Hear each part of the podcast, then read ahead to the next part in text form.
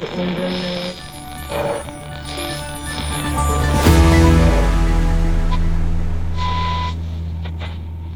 och välkomna till 6 minuter, en nyhetspodd i kortformat från tidningen Arbetaren där vi kort sammanfattar den gångna veckan. Ni kan läsa oss på arbetaren.se och följ oss också gärna på Facebook. I oktober 2019 totalförstördes en minkfarm i Sölvesborg av en brand. Brottet har utretts av Säkerhetspolisen och nu åtalas två män, 18 och 20 år gamla, för mordbrand. Arbetaren var i april först med att rapportera om att en svensk 18-åring gripits vid ett stort tillslag i Luxemburg efter att polisen där fått upp ögonen för att han ägnade sig åt suspekta aktiviteter på Darknet, alltså den krypterade delen av internet. Han ska bland annat ha spridit fascistpropaganda och information om hur man tillverkar sprängmedel samt varit i kontakt med vitmaktorganisationen The Base och den ekofascistiska och nu nedlagda The Green Brigade som också ska ha varit nära bunden till The Base. I ett pressmeddelande säger kammaråklagare Henrik Olin de två åtalade har en koppling till våldsbejakande högerextremism och ekofascism som är ett ganska nytt begrepp i Sverige. Brottsligheten har därmed ett ideologiskt motiv. Vi har framgångsrikt kunnat utreda ärendet i den här miljön som nu lett till åtal.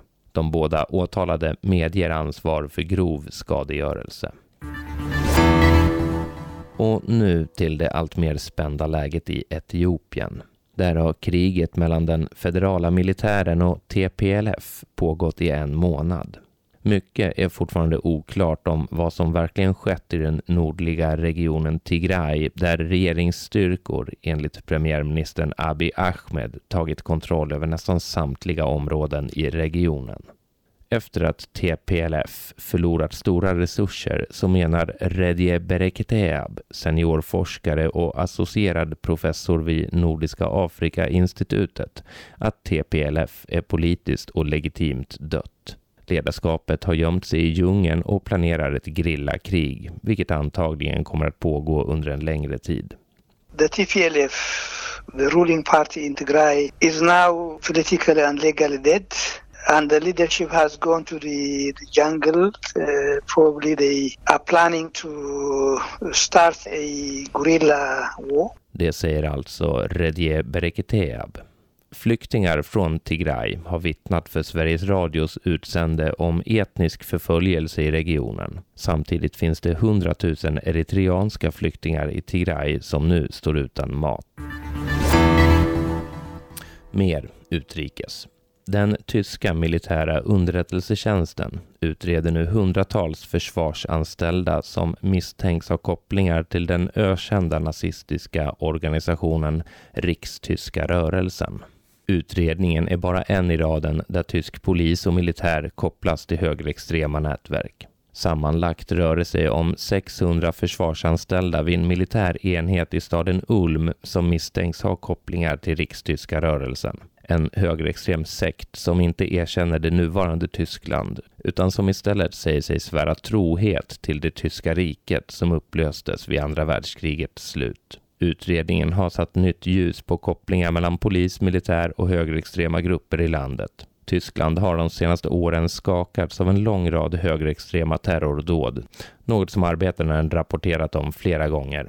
Enligt landets säkerhetstjänst finns omkring 24 000 högerextrema aktivister i landet, varav ungefär hälften bedöms som villiga att använda våld för att uppnå sina politiska syften. Och sist kan vi rapportera om att Vänsterpartiet når sina högsta siffror på 16 år i Statistiska centralbyråns partisympatiundersökning som presenterades i veckan. 9,3 procent av de tillfrågade uppger att de skulle rösta på vänstern om det vore val idag. För den nytillträdde partiledaren Nooshi Dadgostar kommer prognosen inte som någon överraskning. Arbetaren mötte henne på partiets riksdagskansli i Stockholm för att höra vad som ligger bakom det ökade opinionsstödet.